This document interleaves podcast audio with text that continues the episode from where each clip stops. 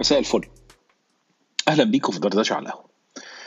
كلامنا هو كلام ممكن تدردشه مع أي حد من أصحابك أو أصدقائك أو صديقاتك وأنت قاعد على القهوة. فما فيش عندنا موضوع معين إحنا بنتكلم فيه. إحنا ممكن نتكلم في أي مواضيع وكل المواضيع. وهي عشان كده سميتها دردشة على القهوة لأن هي دردشة من أي نوع من أنواع الدردشات اللي ممكن نقعد ندردش فيها ونتكلم فيها مع بعض.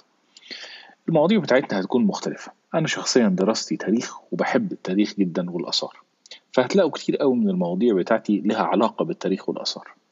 غير كده ممكن تكون حاجة قريتها خبر جديد whatever أي حاجة من الحاجات دي اللي ممكن تخطر على بالنا وتخلينا نقعد ندردش مع بعض على القهوة